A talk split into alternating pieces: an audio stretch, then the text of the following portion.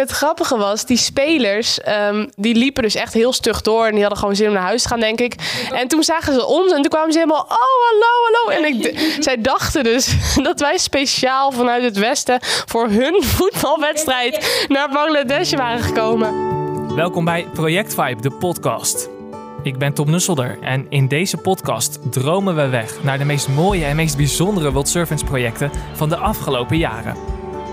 In deze aflevering gaan we terug naar Bangladesh.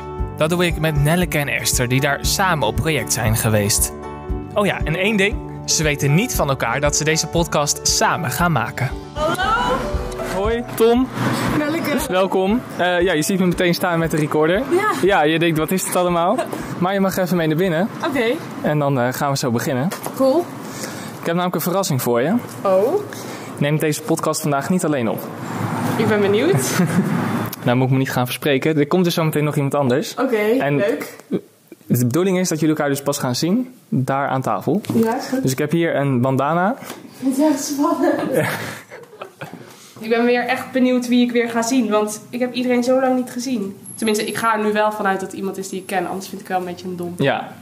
Maar Nou, we, de- we denken wel dat je deze persoon... eh, anders, anders zou het een heel raar project geweest zijn als je nu denkt... Die is Oh, oké. Ja. Ja. Ah, dus het is iemand van Ghana of van Bangladesh. Hmm. Maar allebei de projecten waren superleuk, dus het maakt niet echt uit. Hi. Kijk, goed shirt meteen aan. Je denkt misschien, waarom staat hij al meteen met de recorder in zijn hand? Ja. nou, ik heb een, een verrassing voor je. Ik ga deze podcast niet alleen opnemen, maar er is nog iemand anders. En eh, dat houden we nog even geheim. Maar die persoon is al binnen, dus nou, we gaan gewoon naar binnen. En dan moet je nog even stil zijn, zeg maar, want anders herkent die persoon misschien ook al je stem. Ja, zo.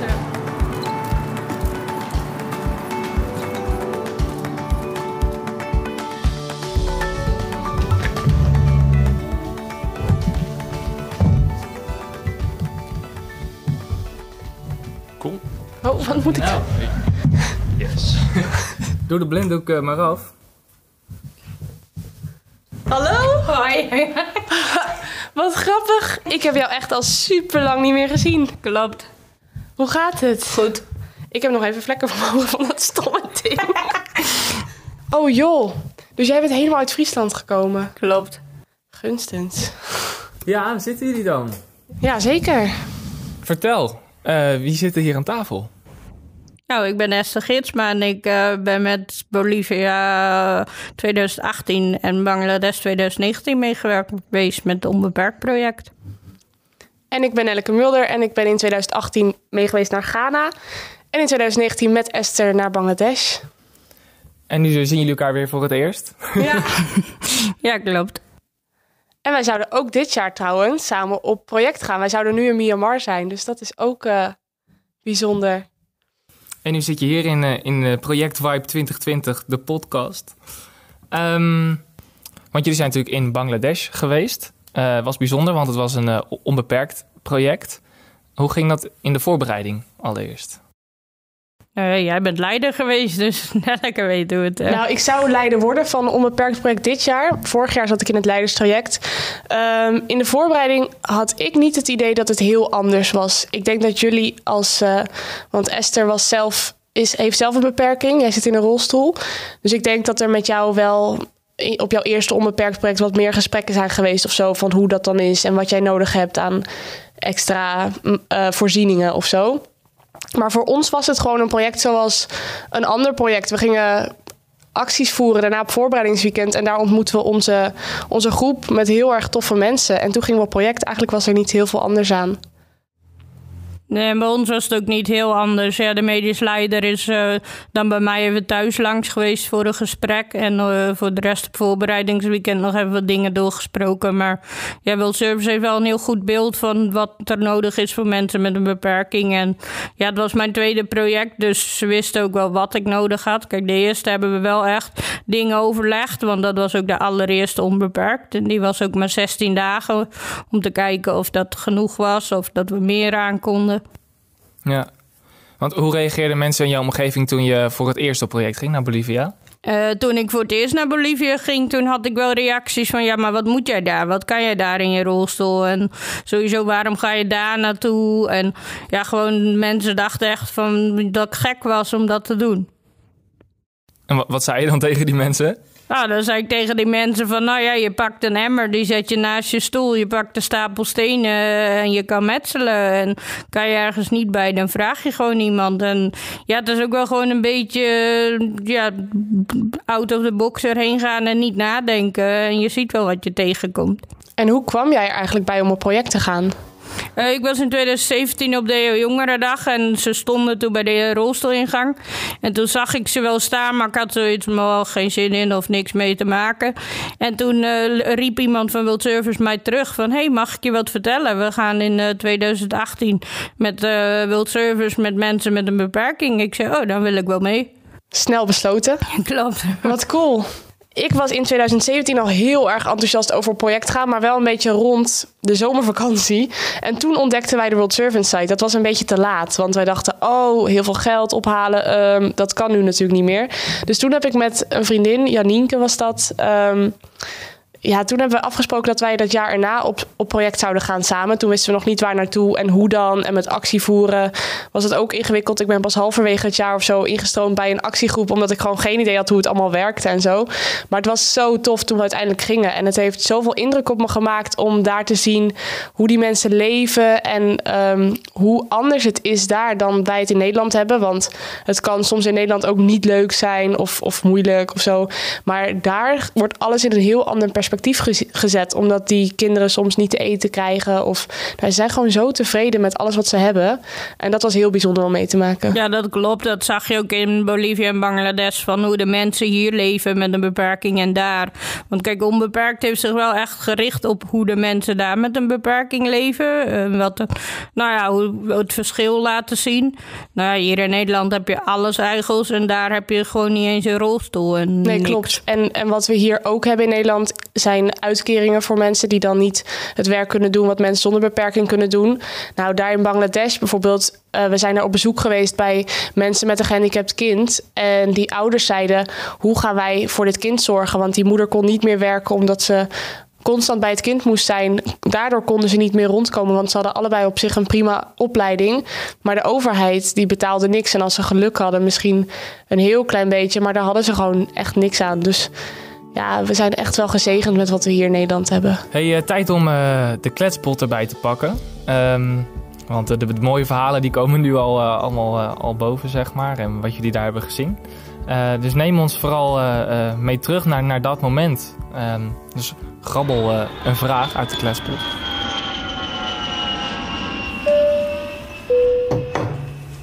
Nou, dan heb ik de vraag gepakt: waarom heb je voor dit project gekozen? Dan denk ik dat we duiden op uh, Bangladesh.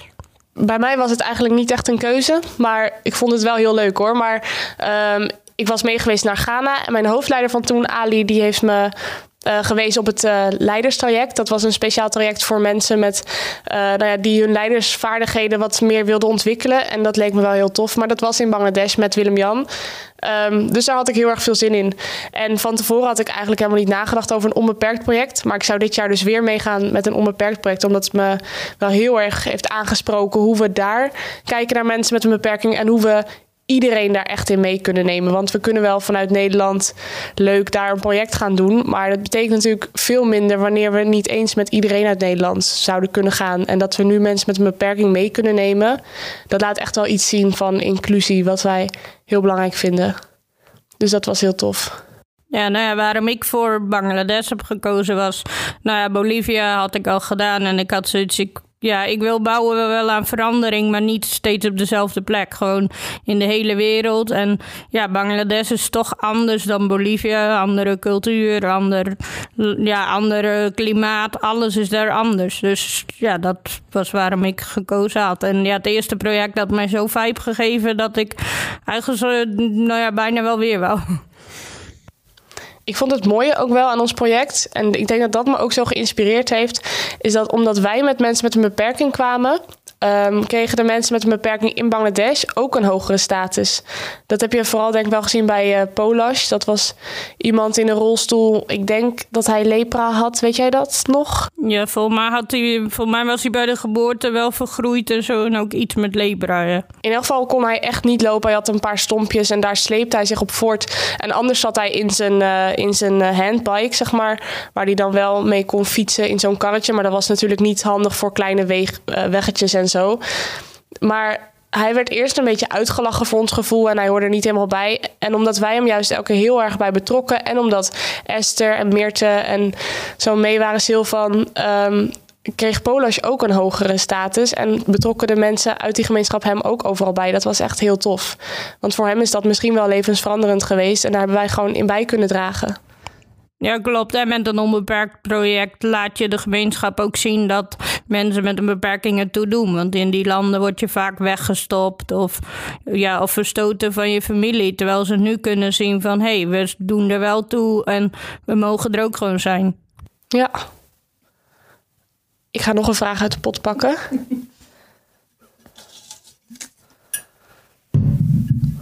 Even kijken. Wat vond je het mooiste aan het reizen? Ja, ik denk de reis naar Bangladesh was dan wel, nou ja, dat we sowieso in de trein tien uur het hele land konden zien. En ja, gewoon de reis, dan leer je elkaar ook al kennen. Wie naast je zit, ga je mee kletsen. En ja, je ziet gewoon het land heel goed door die treinreis. Ja, ik vond die treinreis ook heel erg gaaf. En er waren overstromingen geweest in Bangladesh. En dat kon je ook wel zien. Soms dan zag je zo'n hutje, zo net zo'n dak boven het water uitsteken en zo.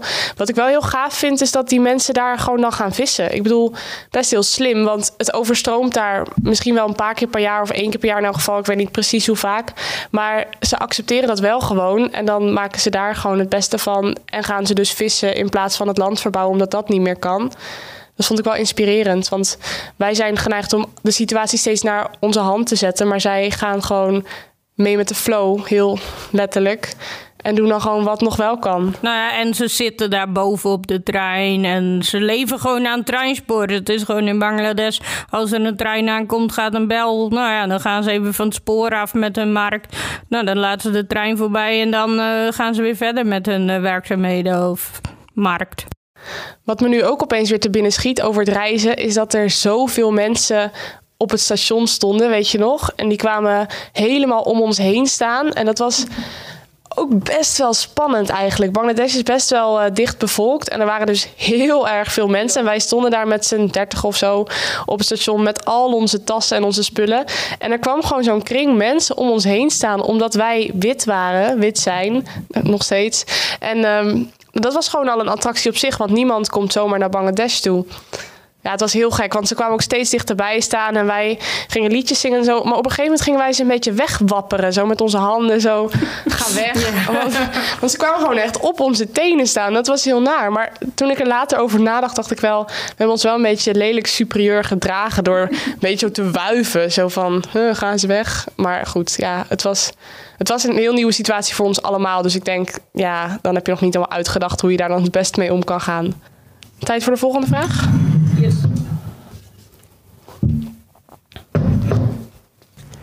De volgende vraag is: hoe begon de reis? Ja. Nou, wat ik nog weet was op Schiphol en dat we dat soort ding wat voor de rolstoel kon. Zo'n motortje van 70 kilo mee moesten. Maar dat het vliegtuig die niet mee wou nemen. Dus we hebben een hele tijd daar staan wachten. Nou ja, een handicap NL was er voor foto's. En uh, ja, nog, nog profielfoto's van mij en uh, Sylvan en zo. Ja, en Willem-Jan heeft flink staan lobbyen over wat we wel en niet mee mochten nemen. Volgens mij is uiteindelijk bijna alles meegegaan, denk ik. Ja, behalve dat ding van 70 kilo. Oh, die is niet meegegaan, maar... Hebben we ook niet echt gemist, denk ik. Nou, of... Nou ja, goed, ik weet niet. Maar het is wel een leuke vraag, want waar begon de reis? Ik denk dat de reis eigenlijk al veel eerder begon toen ik, toen ik besloot mee te gaan. Want dan ga je actie voeren.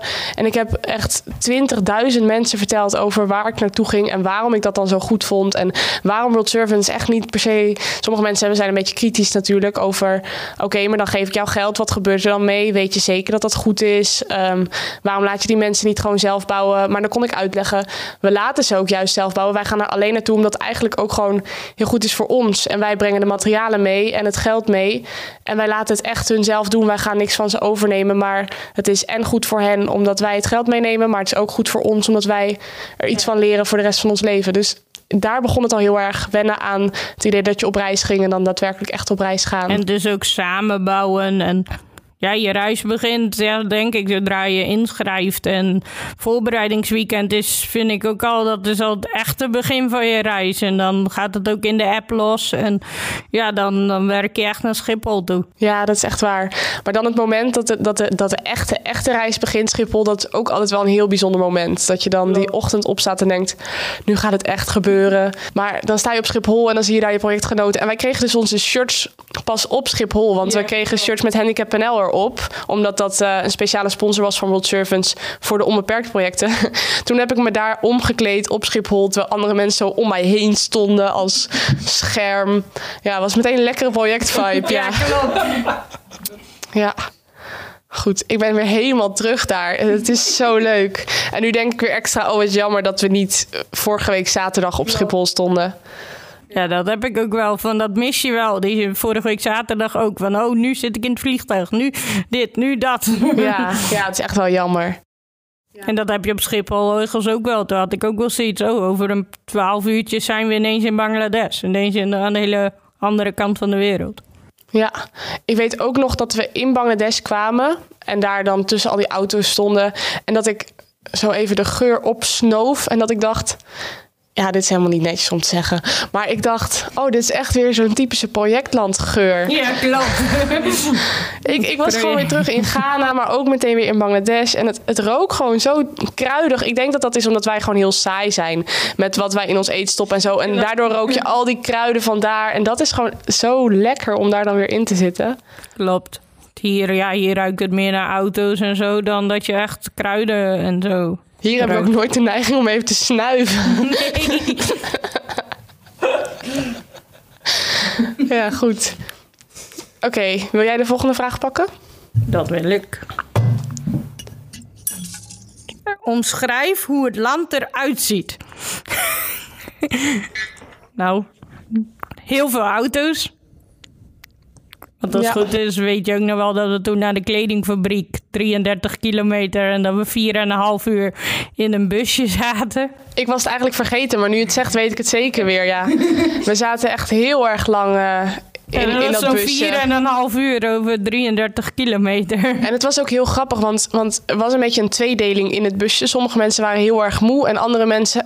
ik was heel hyper. Dus sommige mensen vonden dat dan heel vervelend, want we zaten in zo'n heel klein busje en gezellig te zingen. Maar sommige mensen wilden dan weer slapen. En nou goed, dat is ook gewoon hoe het gaat op project. Maar dat was, uh, nou ja, was wel heel grappig. links en er zijn eigenlijk geen verkeersregels. Dat was iets waar de meeste... Toen, zei, nou, toen ik uit het vliegtuig kwam, wel verschrokken van wow, we rijden links, uh, geen verkeersregels, drukte. Uh. En er werd ook heel erg veel getuterd. Ja. Daar hadden we ook een soort grapje over verdacht, inderdaad. Ik kan het niet goed uitspreken, maar eh, zo van tuteren is onze cultuur. Dat werd echt heel vaak gezegd ja. tijdens het. Maar je hoorde het ook de hele tijd. En wij moesten, om naar de bouwplaats te gaan, ook langs de weg lopen. En dan kwamen er elke keer van die tuk-tuks die ons bijna aanreden en zo. En ja, echt verschrikkelijk. we hebben daar echt geen verkeersregels. En uh, ja, het is daar gewoon wie het hardst doet, het, die heeft de meeste voorrang of zo. Maar wat ik me vooral echt goed herinner van de natuur is wel dat, uh, dat die kleuren allemaal zo mooi intens waren. Hier in Nederland vind ik het echt een stuk doffer en daar was het groen van het gras zelfs veel mooier. En sommige mensen vonden dat er niet heel veel mooie natuur was zoals je dat misschien in Afrika ziet. Maar ik vond het toch wel heel mooi. Die rijstvelden bijvoorbeeld, dat had ik gewoon nog nooit gezien. Hele velden onder water met rijst. Dat was wel minder natuur. Maar waar wij gewoon het project hadden, was gewoon hele mooie natuur. En ja, wel heel vlak. Dus, dus er was niet veel uh, aan, aan heuvels of zo waar je iets kon zien. Maar het was wel. Uh, ja, en overal die, uh, die die beesten die dan overal rondlopen en waar je dan weer omheen moet en zo. Ja, ik vond het wel gaaf. En de kakkerlakken en de gekko's en mieren, rode mieren die je s'nachts kwamen blagen. Daar denk ik niet per se met heel veel uh, blijheid aan terug.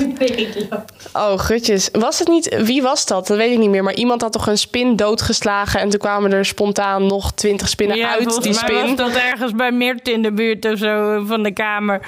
Die spin al zijn baby's verloor. ik was er niet bij, maar ik heb wel iemand heel hard horen gillen.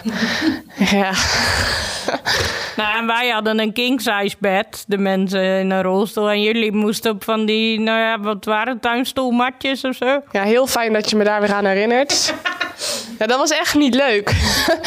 en ik bedoel, ik gun jou echt een goed bed, maar dat gun ik mezelf ook wel. En dat hadden wij dus echt niet. Wij sliepen op een, uh, ja, wat was het? Eigenlijk een soort tafel, want het was één rechte plank. Wij hebben nog een beetje een lattenbodem in Nederland, dat is best comfortabel. Maar daar was het gewoon echt, echt ja, een gewoon platte een plank, ja. En er lagen twee matjes op en die waren echt nog dunner dan, dan een tuinkussen. Dus als je erop ging zitten, was het ook elke keer, oh, het veert niet. Oh ja. En dan lag je daar s'nachts op, nou, je hele rug zat vast. Echt, poef. Ja, ze hadden voor ons dan speciaal een bed gemaakt met een foam matras. Dus dat was een lekker uh, heel zacht matras. En echt king size, dat je gewoon nou, je, je boeken en, al, en je toilettas en alles kon nog bij je in je bed. Dus dat... Nee, maar ik snap het ook wel weer, want ja, jouw lichaam kan gewoon minder hebben dan het mijne. Dus dan is het ook logisch dat we jou niet op zo'n bed smijten. Klopt. dus uh, ja, het is je gegund hoor. Pak je de volgende? Waarom zouden anderen naar Bangladesh moeten? Um, ja, omdat het gewoon een tof land is. En omdat je dan eens. dit vind ik zelf grappig. En omdat je dan eens kan ervaren hoe het is om je helemaal kapot te zweten. Want dat was ook wel leuk. Klopt. En ja, het is gewoon heel erg arm vergeleken met Nederland. Het is wel echt. Kijk, Bolivia was ook wel arm, maar anders arm. Maar hier was het echt huisjes van golfplaten. En het was gewoon een heel erg verschil met Nederland, vond ik. Ja, maar het viel me ergens ook wel weer mee. Want in Afrika hadden ze allemaal van die strohutjes. En in Bangladesh zaten wij op het terrein van het ziekenhuis. Dus dat waren dan ook wel een soort werkhuisjes dan of zo. Die waren allemaal wel netjes geregeld. En die mensen waren denk ik ook wel rijk. Maar waar we echt in het dorp kwamen, daar was het inderdaad wel weer een stuk uh, anders, ja. Oh, weet je waar we het nog helemaal niet over hebben gehad? Nee. Over hoe ze daar eten, want dat was ook tof. Oh ja, ze eten daar met hun handen. En vooral de, de nou ja, mensen met links, die hadden problemen. Want links is je afveegant en dan mocht Ja. je niet meer eten. Dat klopt, dus je ja. moest met rechts eten. Ik weet, nog, ik, weet, ik weet niet meer wie het was. En dit is dus een beetje een vaag verhaal. Maar iemand was een keer boos op de Bengalen. Weet ik veel. Ze mochten niet metselen of zo. En het werd elke keer uit de handen gehaald. Zoiets. En toen zei ze: Nu ga ik lekker met links eten. Echt een soort haha. Nu heb ik jullie. Was heel grappig. Ja. Ja, we mochten dus ook zelf met onze handen eten. Als we op de bouwplaats ehm, eten kregen, deden we dat. Want daar was geen bestek. En dan kregen we rijst. En dat was gewoon echt best wel warm. Dus je moest dat heel snel vanuit je hand in je mond. En die Bengalen maakten er allemaal goede bolletjes van. Maar ik, ik smeet het gewoon soort in mijn mond. En dan kwam het overal terecht. Maar ik had wel genoeg gegeten daarna. Dus dat was fijn. De currysaus moest je al met je handen er doorheen Ja, roeren klopt, ja. een beetje. Ja. Dus het- ja, Ik had ook de eerste keer geholpen met, eh, met, met, met eten maken. En mijn hele handen waren geel van de curry. Daar heeft Willem-Jan toen nog een heel grappige foto van gemaakt. Ja, daar gaat zoveel curry in. Dat is echt niet normaal. Maar goed, wel lekker. Ik heb wel, toen ik terugkwam uit Bangladesh... eh, een maand of twee geen rijst meer gegeten. Ik hoefde het echt nee, niet klopt, meer. je kreeg het 's ochtends, eh, of nou ja, 's ochtends niet, maar wel 's middags en 's avonds. 's ochtends elke ochtend zo'n gebakken ei. Oh ja, is dat... Oh ja, op van dat kleffe witte brood, ja. En de eerste keer kregen we patat 's avonds, maar toen kwam het volgens mij bijna elke avond. En toen was het niet meer echt leuk. Nou, ik vond het eigenlijk best heel leuk nog steeds, ja. Maar we kregen best wel diverse maaltijdsoorten. Ik was het even een beetje vergeten, maar het komt nu weer terug. We hadden altijd eh, rijst en komkommer dingetjes. Ehm, en dan was er nog een groenteprutje, maar ook patat konden we nemen. En Gideon, die had mayonaise bij zich. Dat was gewoon geniaal. Dus we hadden gewoon patat met mayonaise, ja. En soms kregen we ook nog ijs aan het eind in zo'n bakje. En als je dan het limpje Ja. opentrok, dan was het een beetje in de hoop dat er geen beestjes in zaten. En als ze er wel in zaten, dan, dan deed je gewoon soms alsof je het niet had gezien. Want je had toch wel heel erg veel zin in dat ijs. Dus dan gewoon dat wegscheppen en dan de rest opeten. Ja, klopt. Ja, dat was echt tof. Maar die mensen deden ook zo hun best voor ons.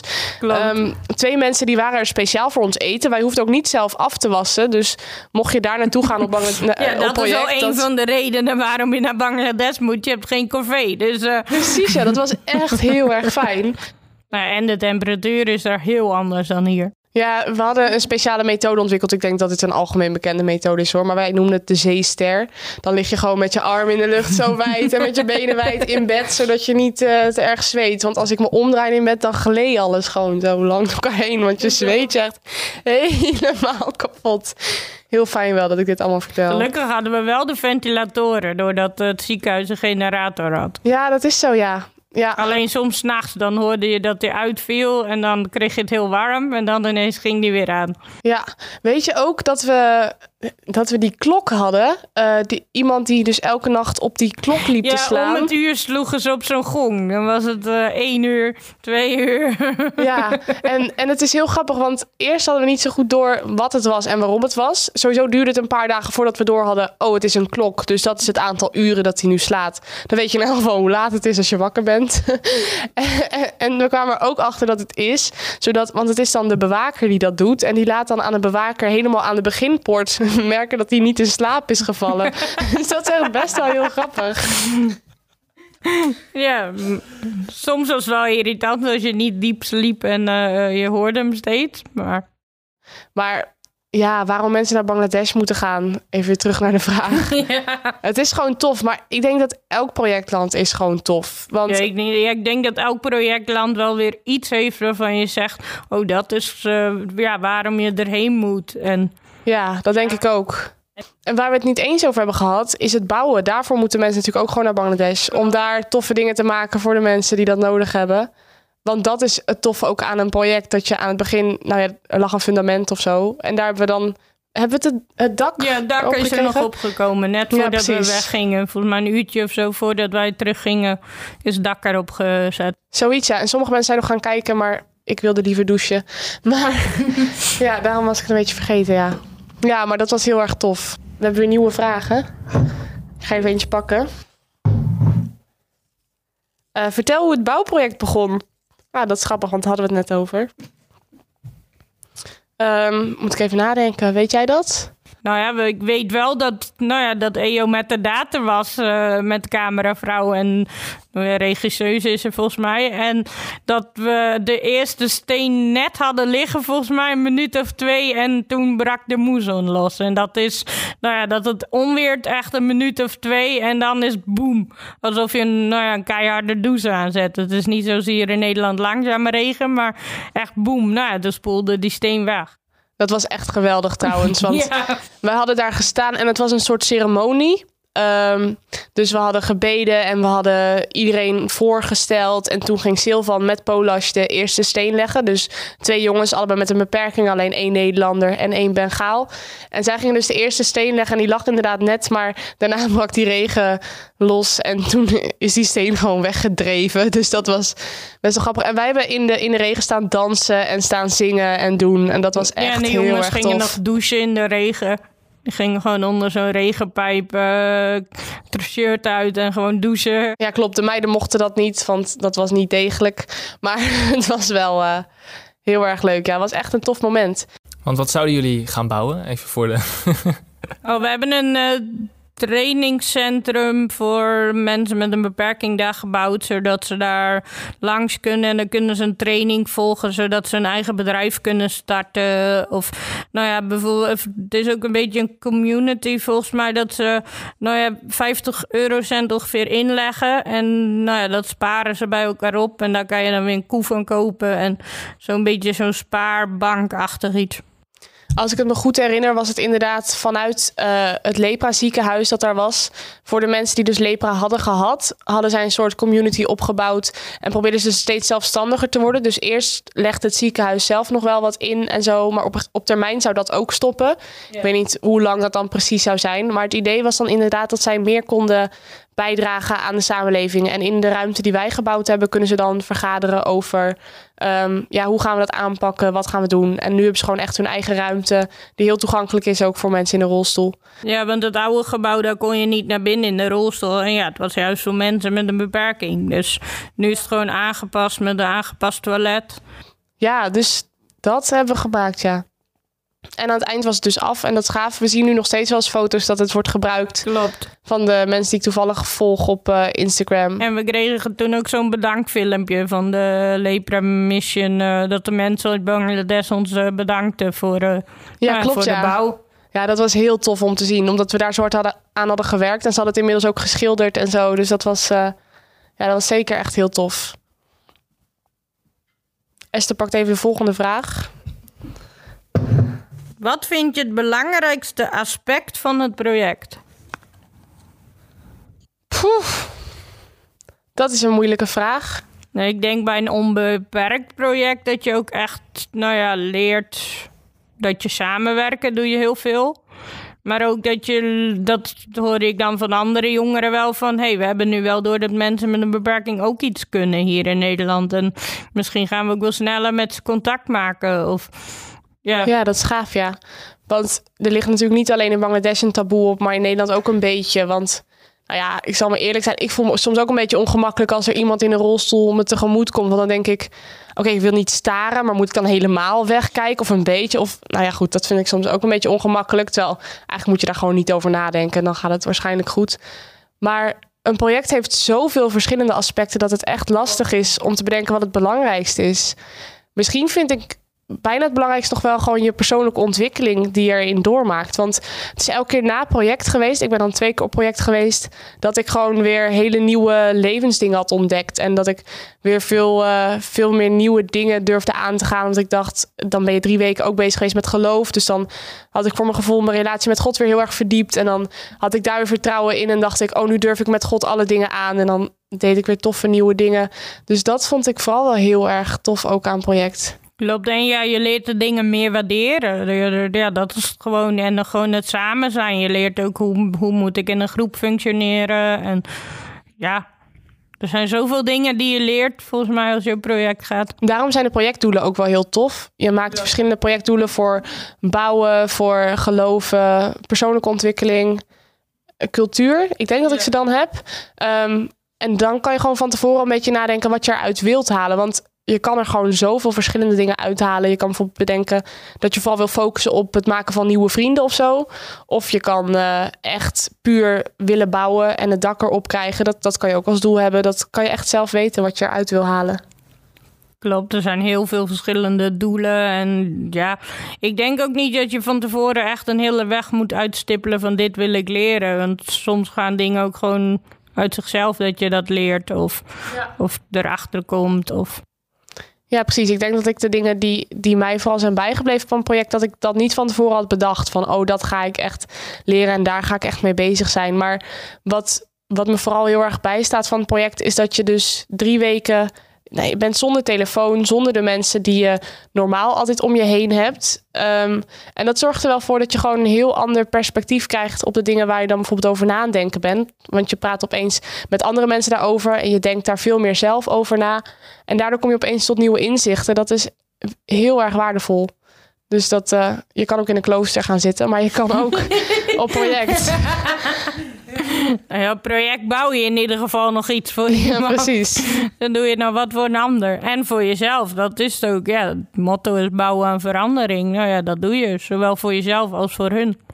En van tevoren, dat vond ik ook wel grappig, voordat ik op project ging, ik wist wel dat het een bouwproject was, maar toen was ik in Ghana op de bouwplaats bezig en toen dacht ik, hoe dit is wel zwaar werk.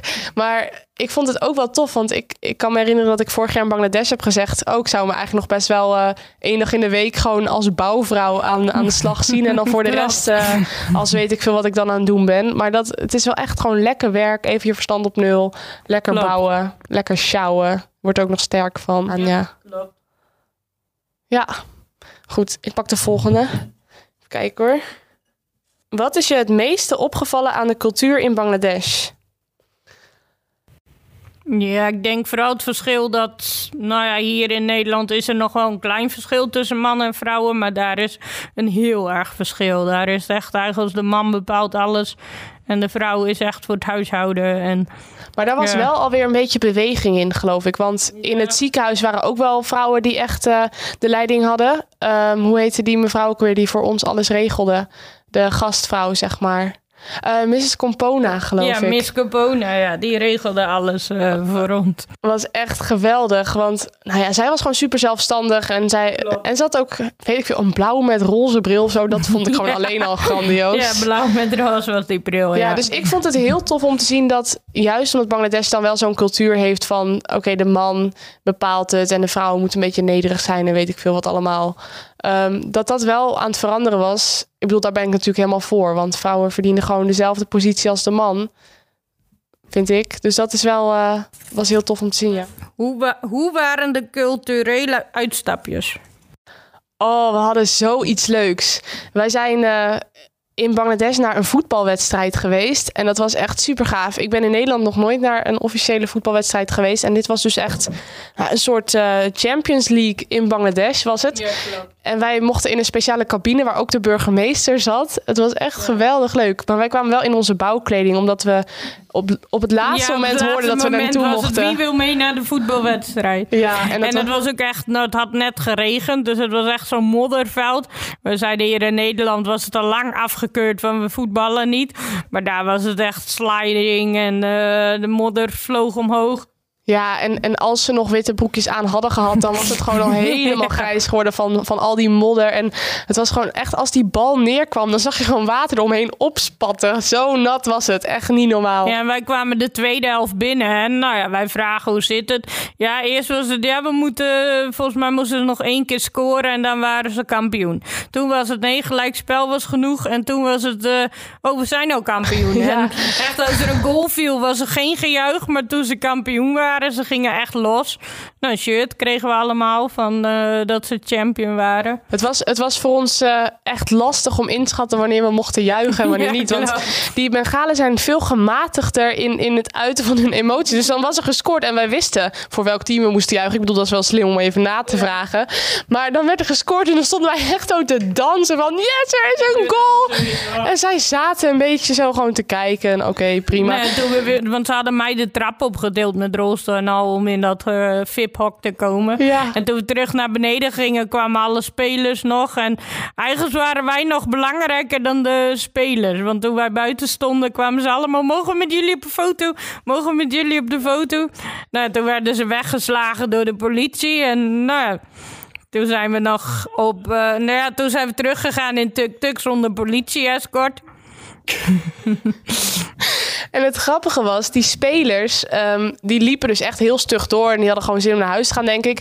En toen zagen ze ons en toen kwamen ze helemaal, oh, hallo, hallo. Ja, en ik, zij dachten dus dat wij speciaal vanuit het westen voor hun voetbalwedstrijd Ja, naar. Bangladesh waren gekomen. Nou, dat was niet zo, maar toch leuk. Dus toen wilden ze helemaal met ons op de foto, ja.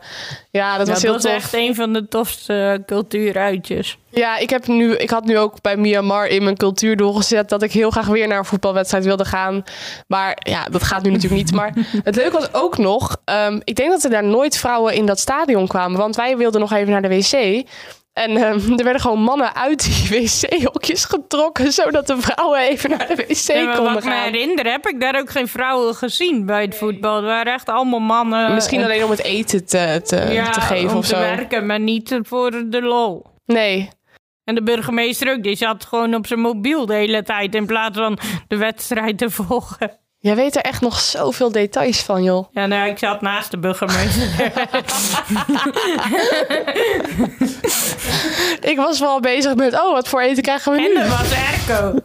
Dat was Ja. ook een van de, echt even zo'n half uurtje, uurtje van, we zijn even in een Erco-gebied. Ja, ik snapte Klopt. ook helemaal niks van dat spel, joh. Ik zat daar naar te kijken en ik dacht, is dit goed of niet? Is er nu iemand boos? Waarom dan? Is, wat, buitenspel? Huh? Hoezo krijgt die een kaart? Ik- Nee. Wat hebben we nog meer voor cultuuruitjes gedaan? Nou, we hadden familiebezoeken hebben gedaan. Ja, nou ja, goed. Een beetje de gebruikelijke dingen. We hebben ook nog dansles gehad van de, van de Ja, we Bengaalse hadden meiden. toen zo'n eh, mannendag, vrouwendag. Ja. En toen hebben de vrouwen inderdaad de dansjes geleerd van Begaalse mij. Dat ziet er makkelijk uit, maar het is echt heel moeilijk. Ja, dus dat was uh, super tof.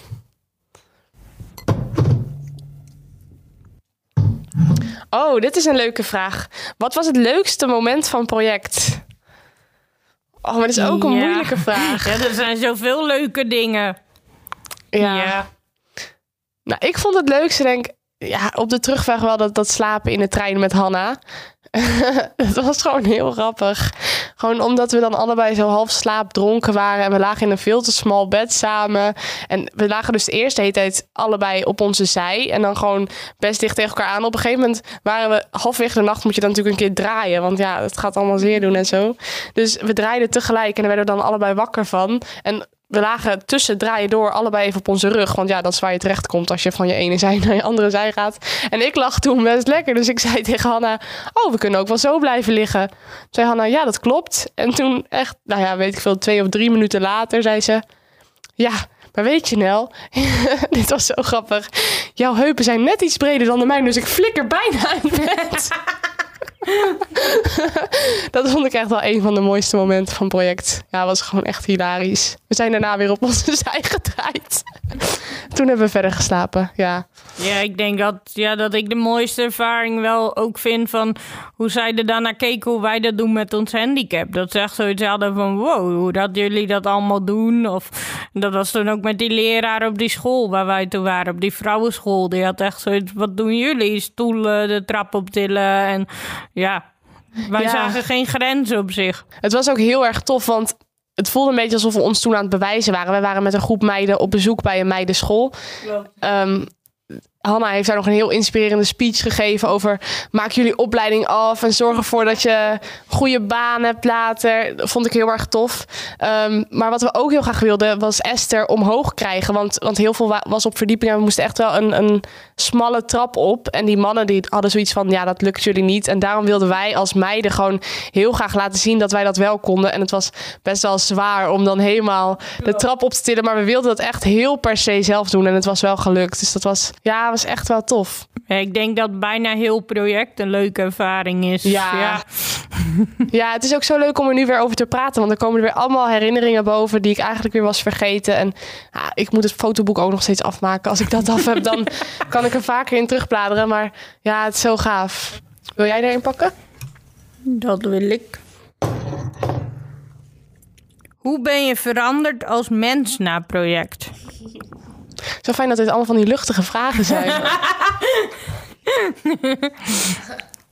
Ehm, het is lastig om te zeggen wat, wat dan echt door project komt en wat gewoon komt omdat je ouder wordt.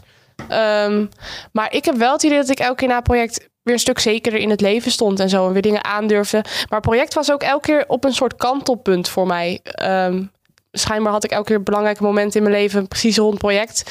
Want bij mijn eerste project zou ik bijna gaan verhuizen naar waar ik nu woon. Dat vond ik best heel spannend. Dus daar was ik op project heel erg veel mee bezig. Vorig jaar tijdens het project had ik toevallig een paar maanden geen contact met mijn ouders. Dus dat was ook best wel intens. En daar uh, was ik toen op project ook heel erg mee bezig. Dus dan um, helpt project elke keer heel erg om dan weer helder te krijgen waar je mee bezig bent. En, en hoe je daar dan mee om wil gaan. En wat God daar misschien in wil. Dus ik had wel het idee dat ik elke keer na het project gewoon veel rustiger terugkwam. En weer veel meer alles aandurfde. En weer dacht, ja, het is oké zoals ik ben en wat ik ga doen. En dat is gewoon prima. En dan had ik weer mijn World Service netwerkje om me heen. Dat me daarin steunde, omdat ik daar heel veel mee had gepraat dan. Dat vond ik altijd wel heel erg tof. Ik denk dat ik als mens veranderd ben in nou ja, dat ik erachter gekomen ben wat ik wel en niet kan. Want je gaat op project wel meer dingen doen dan hier in Nederland. Mhm. Project is het, nou, ik kan dan nog een beetje lopen. En dan is het ook, loop daar wel in plaats van met de rolstoel. Maar hier in Nederland heb je toch sneller ook, pak de rolstoel. En ja, ik denk dat je ook gewoon, eh, ja, dat ik gewoon meer ben gaan waarderen dat ik, nou ja, het geluk heb om hier te mogen wonen en zo. En jij bent nu ook wel, ik zie jou best regelmatig langskomen op platforms als Handicap.nl en dus World Servants. Het lijkt alsof jij een beetje iemand bent die bekendheid wil geven nu aan hoe het is om een handicap te hebben. Klopt dat? Ja, dat klopt. En ja, ik zei ook laatst in een interview met iemand van World Servants van... Ja, ik zei misschien moet je de mensen met een beperking juist vragen van... wat weerhoudt je om mee te gaan op project? Dan alleen een flyer uit te delen. Want ja, ik kan me voorstellen dat voor mensen met een beperking het een hele drempel is om mee op project. Maar ja, vraag dan gewoon wat weerhoudt je en ja, verwijs je anders door naar iemand die al mee is geweest. Ja, en tegelijkertijd denk ik dat eigenlijk iedereen wel ergens een beperking heeft. Bij jou is dat dan heel zichtbaar. Maar sommige mensen hebben ook in hun houding of in hun uh, opvattingen ook gewoon beperkingen. Dat ze denken, ja, ik ga niet, want. En dan kan dat net zo goed een beperking zijn als dat je lichamelijk iets hebt. Dus ja. Next question. Oh, de laatste vraag. Wie uit Bangladesh zou je nog wel eens willen zien? Ja, ik denk dat dat Pola's wel is. En ik had een jongetje van 2, 3 die de hele dag bij mij rondhong. Ah, dat is zo leuk. Dus ja, dan wil je ook wel eens weten van... hé, hey, hoe gaat het met dat kindje? Of... Ja. Ja, gewoon sowieso hoe het met de gemeenschap gaat, denk ik. En hoe, ja, hoe dat centrum gebruikt wordt. Dat is ook wel eens cool zijn om te zien. Ja, zeker. Ja, het project is gewoon echt heel gaaf. Ja.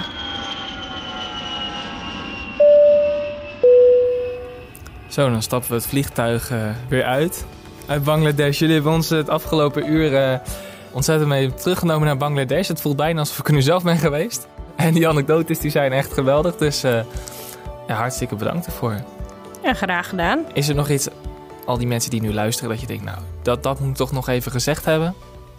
Nou, mocht je nog nooit op project zijn geweest en twijfelen om wel te gaan, dan zou ik je echt aanraden om het wel te doen. Want het is gewoon zo'n ervaring en je haalt er sowieso iets uit waar je de rest van je leven wel iets mee kan. Um, ik was voor projecten nooit bezig met duurzaamheid of met uh, fair trade-achtige dingen. En dan denk je nu misschien dat is veel gedoe, maar het is wel echt belangrijk dat wij voor, zeker als christen, maar ook als je geen christen bent, dat je gewoon um, voor andere mensen het goede wil doen. En ook als je geen zicht hebt op hoe dat dan is. Dat je gewoon, ook als het ver van je bed is, dat je goede dingen doet voor de mensen die overal leven en bestaan. Ja, en dat het gewoon mogelijk is met een beperking. Kijk, niet iedereen kan mee, maar World Service doet wel goed hun best. En het is goed geregeld. Zelfs de trein werden weer ingetild en zo. Dus ja, het is gewoon goed toegankelijk. Dit was Project Vibe, de podcast van World Servants. Vond je dit nou een leuke aflevering? Vergeet je dan niet te abonneren. Zo vinden ook andere mensen sneller deze podcast. Wil je ook een keer mee met World Servants? Ga dan naar worldservants.nl.